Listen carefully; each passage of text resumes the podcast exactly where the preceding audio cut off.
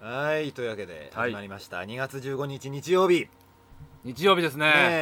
えいやー疲れてない 大丈夫かい疲れてますね、うんあのー結局セブンハウスはいセブンハウスの撮影を今してきたばかりはいですね今なんか今月あれだね週末ずっとそれだねそうだねだからうん今回第2回をやってたんですけれども、はいまあ撮ってたね MST 監督はいあなたがねあなた監督でやってましたよはい非常に疲れましたね疲れたね、まあ、 今日今日俺しか動いてなかったよでも君のシーンは今うん日だいぶ撮ったね、まあだいぶ撮った からでもねこれまた明日もあるんだね撮影がね、ありますねえーま大あ変ぜですひ楽しみにしていただきたいです、はいあのですね、はい今回これ第4回目ですけれども、はい僕の友達がですね、うん第3回目までのヘビーリスナーで3回とも聞いてるってこえと、ね、 3回ともうん半回ともですね、簡単にヘビーリスナーになれるね えー毎週どころか毎日聞いてくれてるっていうまあどうおかしいねということ毎日聞いて、まあどういうことかっていうと、あの僕の友達とうん奥さんがですね、はいあの毎週聞いてくださってるんですけれほどうほも、うほうえーその奥さんほと、うまあ大体日曜日に更新するじゃうんない、うんで月曜日の夜かはら2人が寝る前にうね、んまあ、iPod にさ、はいさして中むつば軸ですよ、おーあのイヤホンを、片ね、耳イずヤつホンそう片耳ずつ はいはい寝る前に布団に入ってから聞いてくれてるそうなんだけあらどーこれ大丈夫かい、あいいでしょ、ねえいい話かいい話でしょいい話なのかな大丈夫、まあそその後の愛の営みの妨げにはなってないのか なこのラジオがいや知らないけど それが心配でしょうがないねね、それを聞いてるとね、まあ、それでまあ1週間聞いてくれてるんだけど、うんなぜまあ1週間かかるかっていうと、あのはい奥さんがさ、うん月曜日の夜から聞いてて、はい開始5分で寝ちゃうんだって なるほどねそうだからねどうしても30分の番組だからら一週間かかっちゃうかかっちゃうんだね魅力がないっていうこ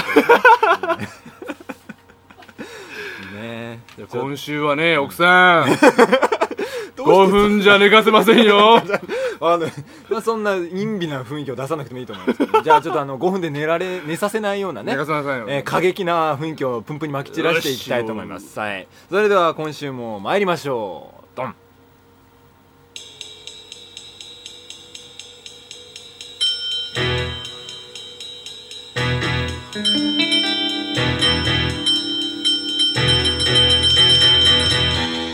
MST と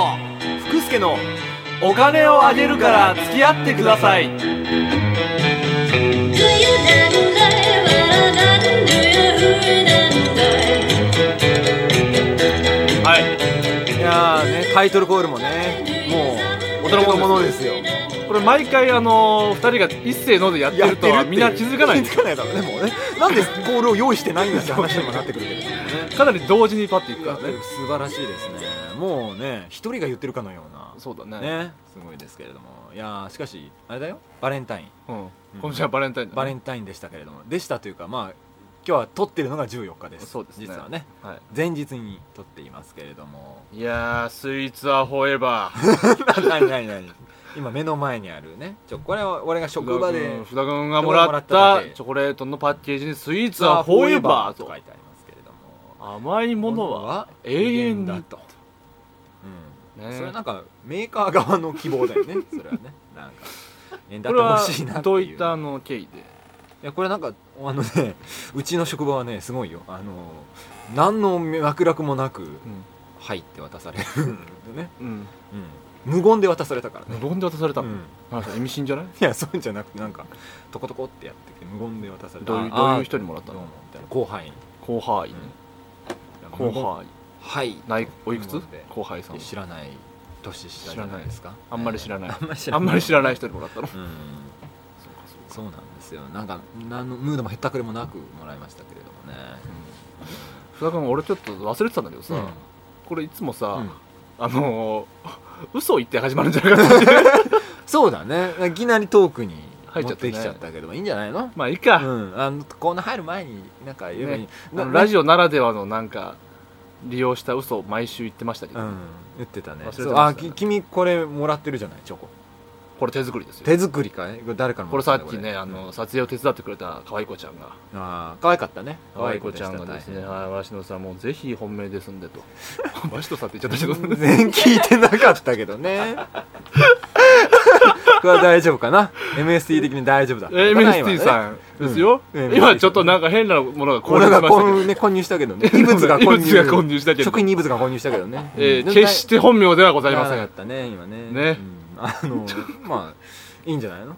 本命ではなかったと思うけど可愛い子の前で私はさっき撮影で非常にあ のあられもない姿をね披露してしまったわけですけど、まあこれぜひ楽しみにしていただ今き度たい見ていただいたりということでね、さあ来週ですかはいアップはねえーじゃあそんな、えー、と今日はですねえーそんなチョコレートをもう頬張らずカカオマスを、えー鼻から直接、えー注入している福助とあやっぱやるんだねそれ摂取している福助と えー、えー、っとえー何も思いつかなかった MST でお送りしたいと思います、えーぜひ名前だけでも覚えて帰ってくださいというわけで、えーそれではコーナーに行きたいと思います次回最初のコーナーはこちら今週のモテ男このコーナーは毎週 MST が気になるモテそうな有名人についてあだこだいうコーナーですということで、はいえー、なんか今週モテた男をまたあなたは持ち込んできてくれるわけでしょ誰なんだいそれは今週はだよ言っちゃって福田君はいチュートリアルの得意ですはいそれではあの得意、まあ、いつもね、モテる芸人ランキングでは上位に食い込んでいきますけれども俺こんなになんか仕切る立場も嫌なんだけど ねもっと楽にやりたいよ、うんだーだーだーだー言っただろ今君はがいはいはい自分の店舗ではいはいだはい言いました言いましそたうだろはい大事なか君が主導権を握ってるんだろこのラジオわかりまのすそうなのかなわかんないけどまあチュートリアルの得意はね、はいあのー今週熱愛が発覚したそうあのー、夏川夏川優衣ですね、はい、夏川優衣僕好きだったあんですそうよなんだ割と年上えーがっかりですなんですねなぜ得意なのだとなぜ得意なのだとなぜ得意ばかりが得意なのだといえっ、とあのおかえいつもの仕返し ですね何か言ってもね決してあの突っ込まないっていう流していこうかなっていう今日ね今立ち位置も逆なんでいつもと収録のね、そうですねえー今日はいつもの役割を俺が担っていこうかなと思うんです けどうんあのいいやいいいいねこれは言わないね、それは言わない言わなくていいねいやいやそうそうだから得意ですよう、ん、ね2年ほど前に、はいねあの小串用のどっちだっけ塩田だっえけ、そんな前だっけうん、にあの振られたことがあるよっていうことをね、あー放送この間中言ってましたですねに暴露したことでも有名ですけれども、塩田もいいのね、いいのね、うん もうカマキャラになっちゃって塩そう田と小倉だったらどっちが好きまあおあんまり区別がごめんついてないわえ塩田かなでも可愛い方そうはどっちなんだろうわかんないけどえなでもね小倉の方が美人顔ではうんあ、あけそどうなんだ塩田の方がモテそうだよねああそうなんだ、うんあんまりごめんまたまたしても俺は混然一体となってるよ頭の中でそうかうい、ん、あの前回の周知心に引き続きじゃあちょっと勉強しといてくれよあんまりね区別をつけない主義なんだねグループに関してだどっちが誰とかあんまり考えない方なんだね俺はねきっと、うーんままあチュートリアル得意の話ですよね、はい得意がなぜモテると思いまああなるほどねやっぱほらあのいイケメンなのに、ねあの下ネタがいけるっていうあんなにこっちまで降りてきてくれる感じじゃないやっぱすかイりケメンのあの下ネタ好きはよくいますよあ本当まあ沢村和樹とかねそうだね、 今君はそうだねって適当に流しながらメモとの何を見ていたんだいっていえうのは得意ならではのところですよ、僕得意がなぜモテるかっていうとですね、はい、彼はね、うんなんて言うんだろうモテるモテるって言われるじゃないですかテレビで、うんあのあの放送中に、うんはいはいでそれに対するリアクションがね、うんなんかこう みたいな感じするじゃないで すかなんか口をちょっと待開けてねってはいいはいやいやいやいやみたいはいなあれがなんかモテそうだなと思ってリアクションがってことですかリアクションがリアクションがあのあまり間に取らないってことだからお笑い芸い人なのにうんなんか素の一面をねうちょろっと出して、んはいねうんであの人なんかさ割とそのあのバラエティ番組とかだはといさ、はい普通じゃないですかまあそうだねあんまりこうばいやいやってだからボケならではのさ、感じじゃないじゃないですかおうでたまにだからあの面白いことを思いついた時だけうんちょろっと言って、うんうんうんあとあんま会話に参加する感じのあれじゃないように見えるな僕はそれがそれがそれはつまり、あの女性を意識してるんですよおーテレビでなるほどだからその漫才の最中とかは、うんバチッとキャラを変えてね、はいはい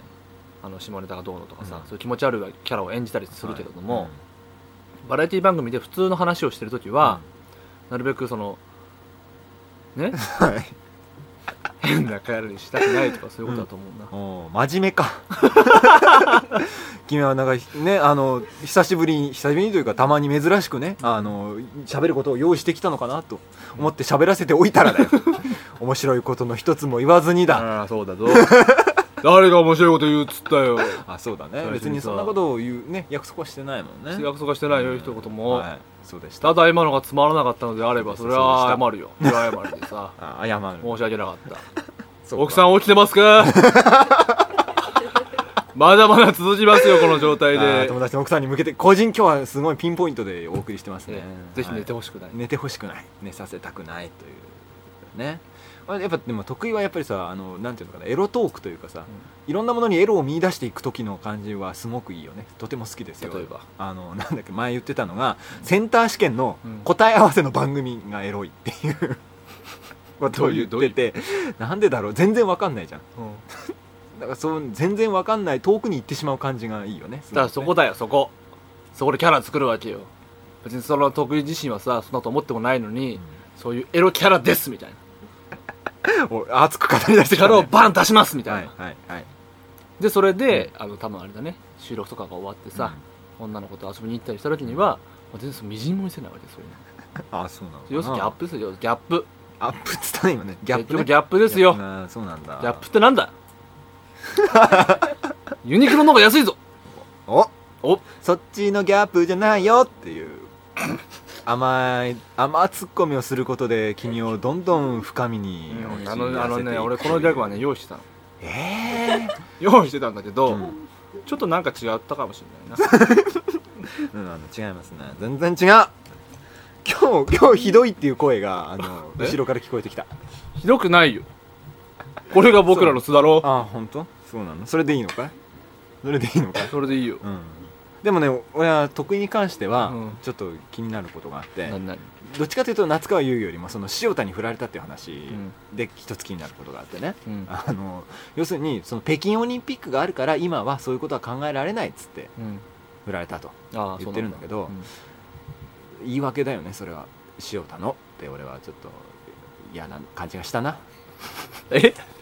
ょっと待って君こそ普通の会話じゃない かあれはねあの言い訳ですよ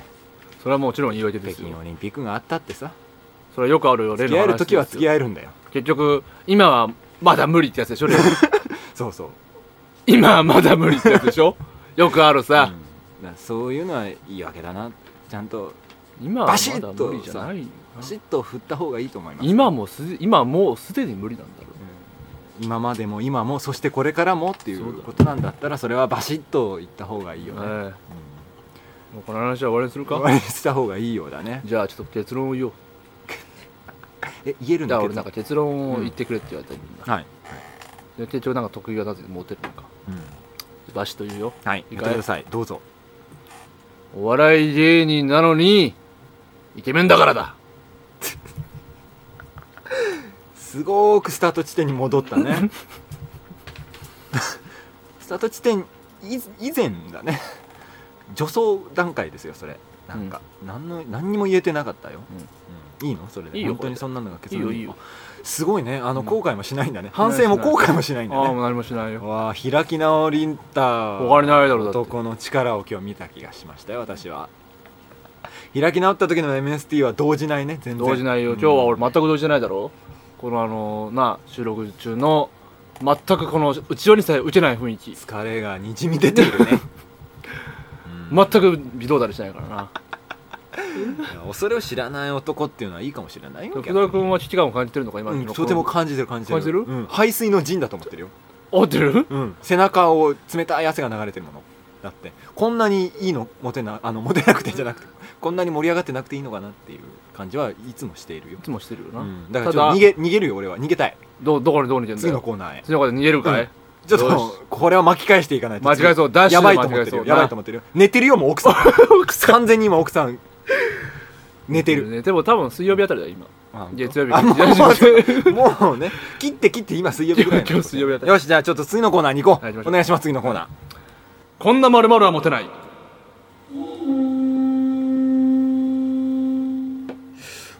いやー冷や汗が止まらないよ今俺はまあ僕はもう一周回ってどうでもよくなったけ分どかったじゃあガンガン行こう えっとこのコーナーはですね毎週一見モテそうなタイプを指定してそんな人でもすぐさまひも手になりうるパターンについてメールを募集するという多分それだなコーナーです全員はね福田君のその喋り方だいやいやこういうの毎回読み方を変えていかないとさリスナーが飽きていっちゃうからねというわけで今週のお題はね、えーメガネ男子ですこんなメガネ男子はモテないということで、えー前回募集をかけましたねはいえーその結果の、えー投稿を今回紹介していきたいと思います楽しみにしてますよこれははいねえー、とじゃあ今回はですね、まあ、ちょっと募集したばっかりなんでね、うんちょっとうちわもちょこちょいちょい混じってますけれども、うんえー紹介していきたいと思いはいまどうすぞそれでは最初の投稿から「こんなメガネ男子はモテない」何かと色眼鏡を使うああ、ねいるねいるねじゃなそうくていうメガネ 男子いるいるねじゃなくてさそっちの色眼鏡じゃないだろうみたいなことでしょ要するにそれは君どうした着信だね MST に着信ありですよ誰からだったちなみにええまあ後輩ですよ後輩からメールだったの電話だったいや電の話です電話出ちゃえばよかったのにそういう生放送ならではのハプニング的なのも面白いよ、そっかうん、何だったのな分かんない要件いはや分かあんない、のー、今日のさ、うん撮影にエキストラで呼んだあんですけど、呼 んだ人からの電話だったのを電話をしたんだけども、うん全然繋がらなかった人あーが今更来ましたあ今更電話来たってことね、ああなるほどね 出ちゃえばねちょっとまたこの展開できたのにね、あそうかいおう前すぐ切っちゃったん、切っちゃったね ごめん次来たら撮るわじゃあ 分かったうんはい色眼鏡を使ういやよくいるのそういうやつね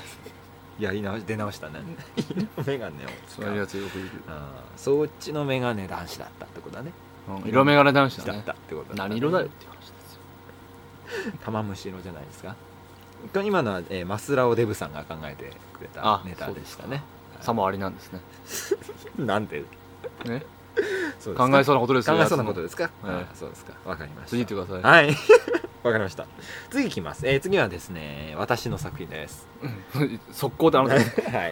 いきます。こんなメガネ男子はモテない。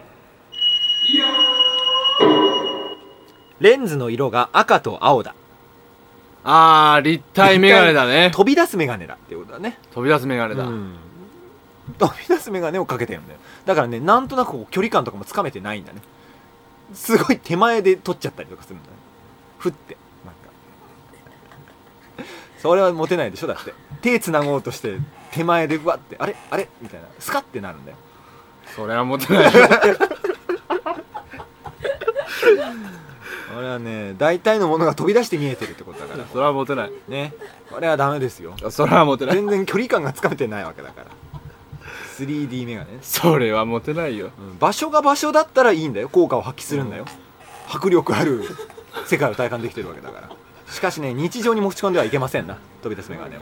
そうだね、うん飛び出してないわけだから MST 喋ってくださいっていうカンペを今はね出されたええお前だお前のことだよ、喋ってますよその通りだと思うし、その通りだと思うことに関してはあんまり言ってくんないんだねうん、だって納得してるじゃないああそうかそうかなるほどねなんでやねんと突っ込ませてくださいよあれあれだねあの技術が進歩してもさ赤と青の眼鏡って変わんないんだねいま、未だに赤と青だったりするあ 3D シアターで、うん多分そういう風になってんじゃない そういうもんなんじゃないのあちっちゃい頃からあるよね、うんあるあるあのちっちゃいさ幼児用の雑誌とかの付録についてくるやつでうん飛び出すよっていうやつってさ、あうんの赤と青が完全に二重に書かれてるだけだあーったりしてさ福田君そんなん頑張らなくていいよここは、あ そうなのうん、次行ってもいいと思う分かったなんかあと10分あるって知ってなんか伸ばした方がいいかな大丈夫大丈夫ぐらいになっちゃったけなんど分とかったじゃあ、ねもう最悪コーナー終わっても大なる丈ほどねえっ、とねここでねちょっとあのレギュラーじゃないけれども、うん常連さんですねゆるびっしゅダウさんから夫のあ作来品がま来してたますんで、ね読んでみたいと思いいますつもダメな人ですねこの人は、ええはい、えーゆるびっしゅダウさんからの投稿ですこんな責任は持てない元カノが妊娠したいやーモテないね責任がそ そんんな責任は持てないな責任は持てない そんな責任は持てないよでこの人はなんだメガネ大使また無視なのか、うんそうなんだよいつもこの人はお題を無視して、うん、あのモテないずらしでくるんだよ俺であれから毎週この枠を勝ち取ろうっていうのかいそうそうそうそう大島こんなに毎回持つゆのかるなゆるビッシュ枠みたいな、うんゆるびし枠をね完全に確立しようとしてるねおいそしてそうはいかない確ぞ立しているね我々もね 確立させてあげちゃってるけどねそうだな、んこれはでも本こ当のに毎回この人はこんなにネタを持ってこれんのかねこんなにモテないシリーズでモテないずらしでそれまた来週のお楽しみおじゃな楽しいみだねうん、まあ、責任は持てないよね、なぜにはモテないよ、うん 責任持てないことはたくさんあるけどね、うんうん、大責概任の大概ねいろいろある責任を持ってない中でも、うんまあ持てないですよねこれは、妊娠うネタんはね、うん、大概の責任はでもも持ちたくないねでもあんまそういうこと言ってるとモテないよ、本当うん、なんかねダメなんだな平成の無責任男と呼ばれたいよ呼ばれたいのどちらかといえば、そううかい、ん、全よ然し呼ぼうよ呼ぶよなんか何でもいいよ料理した後なんかとかだつけとかもしないでほほったらかしておきたいよ ね無言の間を作るなよ放送事故だよそんじなゃあ次行こうわかりました次に行きますおとなしく次に行きます、えー、あれなんかそっちであるのそうですねおうそうじゃあ MST さんからの投稿あわあはいわかりました、お願いしますえーこんな服捨ては持てない連載を落としたかっこ落としている 落としてるのかい落、としてあの単発企画の,、うん、あの女冥利につきたくてっていうあああれ落企と画しがあたんだってあれをねちょっと1週分更新してないんだな実はあー先週更新をしなかったんだねそれは落としたね、バタバタで撮影がバタバタでうとてもじゃないけどね疲れて寝てしまったね、んまあ、そういうこともあるよねそれでもモテないんじゃないかそういうこともあるよね自分の連載もねあうん危なかったうん、うん、これは自分の連載ではないないあのままあ持ち分なんだけうど、んうん担当なんだけど自分のその各コラムのデリカシーには貸しがあるっていうねああコラムの方はそれはもうあ一応ギリギリ月曜日中に書いてアップしたんだだけけど、ど、福田君玉突きができなかった連載落としたんだななだからそう言ってるんだるほどそう言ってるんだよよし覚えておこそういうこともあるよねうじゃあって次にいうことですよはいあもまだあんのまだありますよもう一個あんのねはいえーこれもまあ MST さんからの作品ですけどね、はいこんな福助は持てないテルミンを買って深夜に演奏するいやこれは全然モテなくないと思ってるんですこよれはやってるのかいあのね年末にね買ったの、テルミンのテルミン買ったのあそうそうあの売ってんだ学研のあの大人の学習だっけの付録でついてきたかん簡単なテルミンがあるんだけど、んそれのもっと本格的なバージョンを出すのバージョンアップしたやつの学研が、うんうんあーないくらぐらい7800円ぐらいだへーそれテ俺ルミンってさ、何えっ、と電子楽器世界最古の電ファ子ン楽器ファンファンそうそうそうそうそうそうえそれあのどれくらいの大きさなの、本当になんかあのピアニカぐらいの大きさでこう結構本格的どうやにってやるそのアンテナ2本のアンテナが立っててそれの手の上下動とか前後の動きとかで、あの音程調整したり音量調整したりするわけの、へーそれどうなると正解なのえその音はえーっとねいや音程とかも全然わかんないから勘なんだよ勘で距離感で使わなきゃいけないんだけど、で俺はねあの年末ちょっと練習してたわけちゃんと、あの音階がまずは弾けるようになろうと思って、うんすんごい難しいんだあれ全然できないよあれそれ全然できないとどういう音になるあのねまあ同居人曰く、うんとても深いらしい イラッとくるっていうことらしいんだよね綺麗に音が出るっていうよりはふーんみただいかなら感じこうそれで曲が演奏できるわけだよ